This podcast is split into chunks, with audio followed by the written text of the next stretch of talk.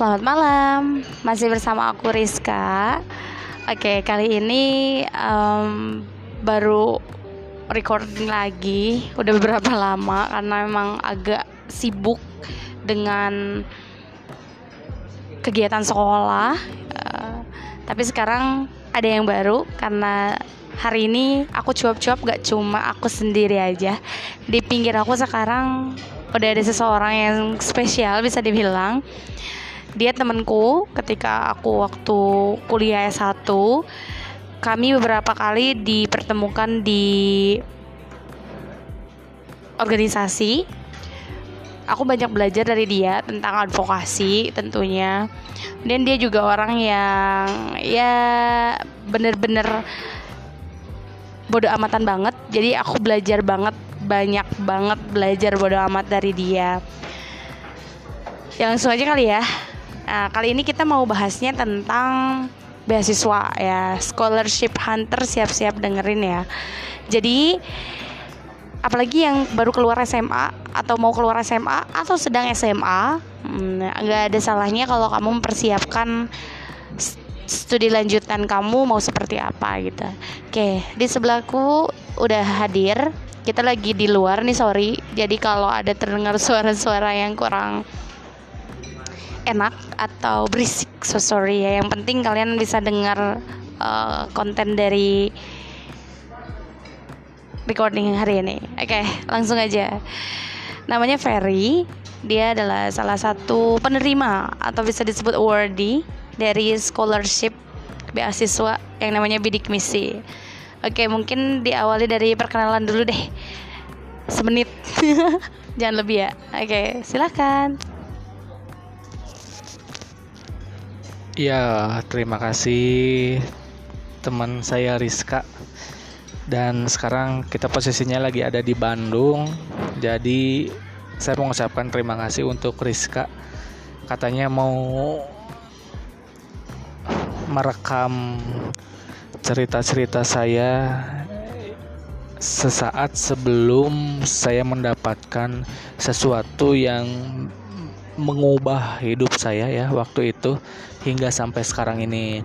Tapi sebelumnya perkenalan dulu, saya ini adalah seorang pendidik juga sama dengan Rizka dan nama saya Ferry. Domisili saya di Majalengka sebenarnya.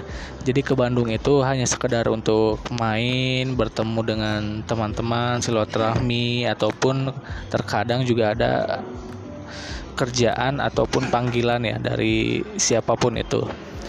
Nah, jadi di sini saya selain nanti akan menceritakan juga bagaimana kisah saya untuk mendapatkan beasiswa, tapi juga nanti dengan Rizka saya akan bertukar cerita mungkin ya. Terus juga nanti Rizka akan sedikit bertanya-tanya. Itu aja sih perkenalannya. Apalagi ya? Udah sih itu dulu ya. Sok. Oke langsung aja pertanyaan yang pertama ya. Kita udah di menit keempat nih sekarang. Yang pertama mungkin uh, ada sebagian besar yang udah tahu, tapi gak ada salahnya juga sih kita um, memberikan sebuah pemahaman lagi mungkin ya apa sih yang disebut dengan beasiswa bidik misi itu tips dan triknya mungkin secara umum dulu aja. Jangan langsung ke pengalaman uh, Kang Ferry-nya ya. Secara umum beasiswa bidik misi itu seperti apa syaratnya itu seperti apa kemudian jalur masuknya seperti apa. Silahkan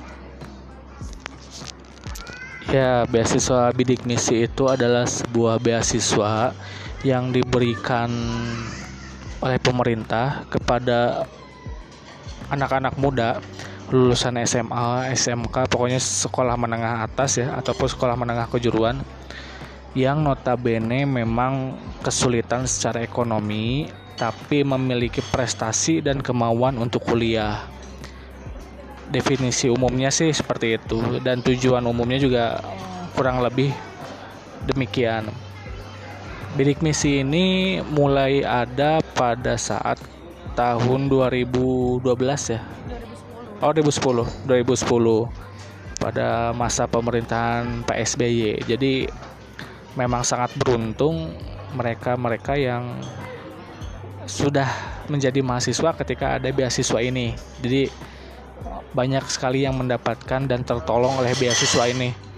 Beasiswa bidik misi ini karena sangat-sangat membantu. Selain kita itu kuliah gratis mendapatkan uang saku dan kita tinggal duduk manis kuliah belajar yang benar dan lulus tepat waktu. Seperti itu sih pengantarnya. Oke, ini mungkin uh, pertanyaan yang uh, langsung ke poin dari perspektif Kang Ferry-nya ya. Pengalaman Kang Ferry mendapatkan beasiswa bidik misi ini seperti apa sih perjalanannya? Mungkin secara singkat aja nggak apa-apa. Yang penting tersampaikan sama teman-teman. Silahkan. Ya, jadi saat setelah masuk kelas 3 SMA dulu saya memilih untuk kuliah dan tidak banyak sebenarnya ya harapan-harapan yang saya waktu itu tanamkan. Apakah bisa kuliah bisa masuk ke perguruan tinggi favorit itu sedikitlah harapan untuk ke sana yang saya miliki hanya nekat aja gitu daftar ke salah satu perguruan tinggi yang memang favorit karena kalau daftar SNMPTN ya dulu kan SNMPTN pasti semua juga tahu ya seleksi nasional. Itu kan bebas kita mau daftar ke mana pun gitu. Bahkan yang tidak niat kuliah pun bisa daftar gitu sebenarnya. Dan itu ya untung-untungan. Saya daftar aja dulu yang penting ya nekat gitu ke universitas itu daftar kemudian pilih-pilih jurusan. Nah kalau untuk pilih jurusan sih memang agak sedikit hati-hati juga mikir-mikir. Udah tuh uh, daftar kan di sekolah daftar ya. Setelah itu nggak mikir tuh biayanya gimana nanti terus juga biaya hidupnya gimana terus orang tua sanggup atau tidak nggak mikir ke sana sih. Karena selain memang kondisi tidak memungkinkan sebelumnya juga ada ungkapan dari orang tua bahwa ya kalau misalkan kuliah jauh ngerantau itu biayanya tidak ada gitu ya. Jadi setelah mendengar ungkapan seperti itu ya udah jadi nggak terlalu memikirkan uh, lillahi ta'ala aja gitu. Nah Gak berapa lama setelah SNMPTN itu muncul pendaftaran bidik misi dan itu ada infonya tuh di guru BK. Dari guru BK saya dapat informasi bahwa ada beasiswa bidik misi yang diperuntukkan bagi siswa kurang mampu. Persyaratannya banyak ABCD, banyak banget persyaratannya ya udah saya coba tanya-tanya ke guru BK gimana nih persyaratannya. Terus cara kriterianya seperti apa? Setelah dijelaskan ya udah deh saya coba untuk menyanggupi. Walaupun persyaratannya banyak dan banyak juga yang harus diurus yang harus di uh, diubah juga datanya. Ya tapi karena memang kemauan saya untuk kuliah juga kuat dan orang tua juga mendukung untuk ikut beasiswa ini ya udah jalan semua persyaratan dilengkapi eh, dan itu benar-benar sendiri ya. Jadi nggak ada saya nanya-nanya ke siapa dan itu benar-benar sendiri. Paling ngandelin sos eh, media sosial lihat-lihat. Kalau misalkan ada masalah di bagian ini saya lihat di media sosial. Ada nggak yang sama eh, yang punya masalah seperti saya? Ternyata ada dan saya jujur saya belajar gitu aja lihat-lihat komen orang gitu. Jarang nanya-nanya ke orang ini gimana ini gimana? Jarang gitu. Saya cukup lihat postingan orang lain komenannya kayak gimana oh ya oh, kayak gini. Jadi bisa diambil semua. Itu benar-benar sendiri. Singkat cerita setelah daftar udah tuh SNMPTN daftar bidik misi daftar udah aman kan? Sampai da sampai tahap pendaftaran udah aman lah. Udah tuh. Kemudian menunggu saat-saat pengumuman. Gitu aja dulu uh, cerita singkatnya ya. Nanti mungkin sama Rizka dikembangkan lagi Oke okay, oke okay. ya tadi sedikit kita um, mendengar ya latar belakang kenapa play beasiswa ini ya karena memang ada kesempatan di depan mata kan nggak nggak ada salahnya diambil Nah, kemudian yang mungkin aku tanyain ketika dinyatakan lolos nih ya, lolos. Itu kan sambil gelombangnya ambil yang SNMPTN ya, undangan lolos juga ya. Jadi nggak tes tulis kayak SBM gitu ya.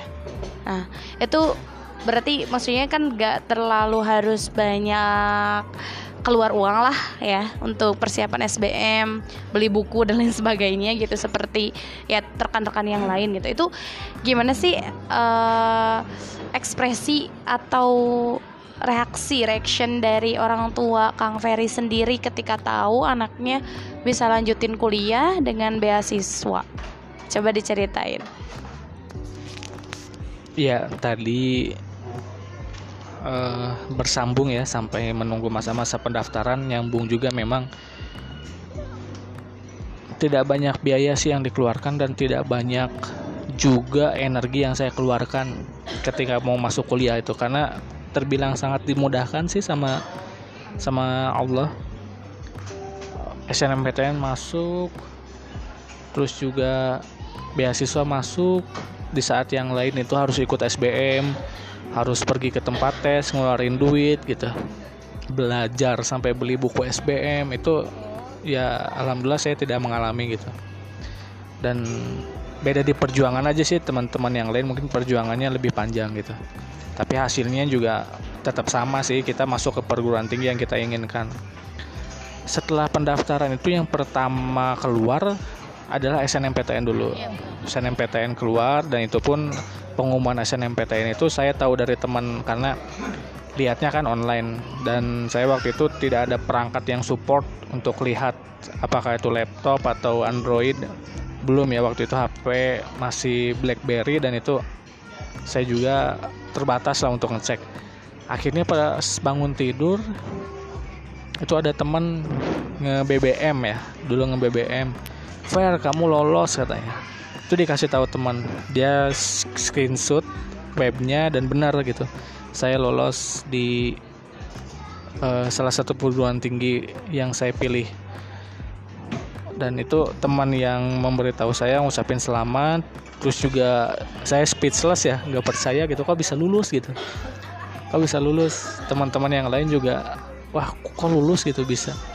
Nah setelah itu ya udah tuh euforia yang seperti biasalah orang tua dengan anak gitu gimana kan terharu senang bahagia gitu. Iya. Nah setelah itu lama ke ke pengumuman bidik misi itu agak lama. Bulan puasa. Pengumuman bidik misi itu bulan puasa hari Jumat masih ingat. Dan itu benar-benar yang namanya Jumat berkah tuh di bulan Ramadan itu benar-benar tuh saya merasakannya waktu itu karena selepas sholat subuh ya saya tidur waktu itu. Sekitar jam 9 jam 10 sebelum sholat Jumat itu bangun dan ada salah satu alumni di SMA saya yang juga satu alma mater juga memang bidik misi juga nge-BBM dan itu bidik misi pun saya tahu dari teman gitu pengumumannya saya diterima tuh tahu dari teman juga Fer kamu lolos bidik misi katanya. Terus dia screenshot juga. Hampir sama kejadiannya kayak SNMPTN dia screenshot ada daftar aduh ada daftar nama gitu. Ada daftar nama. Banyak banget nama-namanya. Terus dia screenshot cuman satu pas nama saya doang gitu. Wah itu benar-benar saya sih yang paling terharunya bagian bidik misinya itu dibanding dengan SNPTN-nya. Yeah. Karena kalau SNMPTN dapat beasiswa enggak kan? Bingung, ya? Iya, masih bingung gimana caranya gitu. Tapi pas bidik misinya dapat, wah itu benar-benar yang namanya sujud syukur, senang banget. Dan dan di situ mikir, wah ini kuliah tuh jadi gitu. Benar-benar jadi kuliah. Langsung bilang ke orang tua jadi kuliah, jadi berangkat gitu. Wah itu udah benar-benar tenang lah. Tenang ya tapi tenang yang tidak benar-benar tenang gitu karena teman-teman setongkrongan ya banyak yang gak lulus dan mereka harus lebih berjuang banyak. Ada yang harus pergi ke sana ke sini tes UM tes seleksi mandiri. Iya duit banget banyak banget. Sampai ke Jawa Tengah Jawa Timur dia seleksi mandiri. Jadi ya agak mengontrol dikit sih waktu itu. Jangan terlalu senang karena banyak yang kesulitan juga gitu sih Aduh luar biasa sekali. Tadi saya jadi ingat Jumat berkah gitu. Berarti waktu itu kebahagiaan kita sama Bang Mer. Cuma di langit yang berbeda aja. ya, oke. Okay. Lanjut ya pertanyaannya ya. Hmm, ada nggak sih? Ada nggak sih ya? Ini mohon maaf nih ya. Tapi saya ketika di kuliah tuh kan aktif di LBM ya. Kalau UPI kan LBM Lingkar Bidik Misi UPI gitu itu banyak banget laporan ke advokasi. Uh, tahu Kang Ferry itu menerima laporan atau melihat langsung apakah ada? Kan tadi tujuannya beasiswa atau scholarship bidik misi ini adalah untuk kalangan yang tidak mampu ya. Nah itu ada nggak sih orang-orang yang sebetulnya mampu tapi dia apply dan keterima gitu loh? Dan menurut perspektif Kang Ferry seharusnya itu seperti apa sih solusinya mungkin ya agar tidak uh, berkelanjutan terjadi lagi seperti itu. Ya jadi pas daftar ulang daftar ulang bidik misi itu kita dikumpulkan di satu gedung yang ada di satu universitas gak usah disebutin lah ya universitasnya. Tadi aku udah sebut. Nah oh udah sebut? Ya udah di satu gedung dan itu ada salah satu pembicara yang bilang coba penerima bidik misi itu saya ingin tahu nih HP-nya apa katanya. Dulu kan memang belum sempet banyak ya yang punya Android itu 2014 ditanya tuh HP-nya kayak gimana? Coba lihat. Sampai semua tam semua masih salon mahasiswa bidik misi itu dia mengeluarin HP-nya karena disuruh keluarin HP-nya dan acungkan. Ya ternyata banyak juga yang HP-nya itu udah iPhone gitu ya 2014 itu. Yang HP-nya udah Android. Ya? dan itu memang ketahuan terlihat lah oleh pembicara di depan. Dan ya yang punya HP HP mewah itu ditantang sih. Lebih baik mengundurkan diri, mengundurkan diri dari beasiswa atau mengundurkan diri dari universitas ini gitu ini bukan tempat untuk kalian katanya gitu kan ini tempat untuk mereka yang tidak mampu secara ekonomi benar-benar benar-benar tidak mampu dan membutuhkan bantuan gitu. Jadi kalau misalkan kalian mampu ya kuliah dengan biaya sendiri katanya gitu. Dan saya dengar memang banyak setelah itu yang mengundurkan diri karena kepergok itu ya. Banyak yang mengundurkan diri. Setelah kuliah pun ya sebenarnya saya juga banyak sih dengar kabar-kabar yang seperti itu tapi kembali lagi sih bukan maksud tidak idealis ya. Tapi ya kita juga takutnya kalau seperti itu ya secara etika gitu jadi mengurusi hidup orang lain gitu. Kalau misalkan kita terlalu mengulik ya itu sih kembali ke kesadaran masing-masing aja. Kalau misalkan mampu ya kuliah dengan biaya sendiri. Kalau misalkan tidak ya sangat harus gitu ambil beasiswa.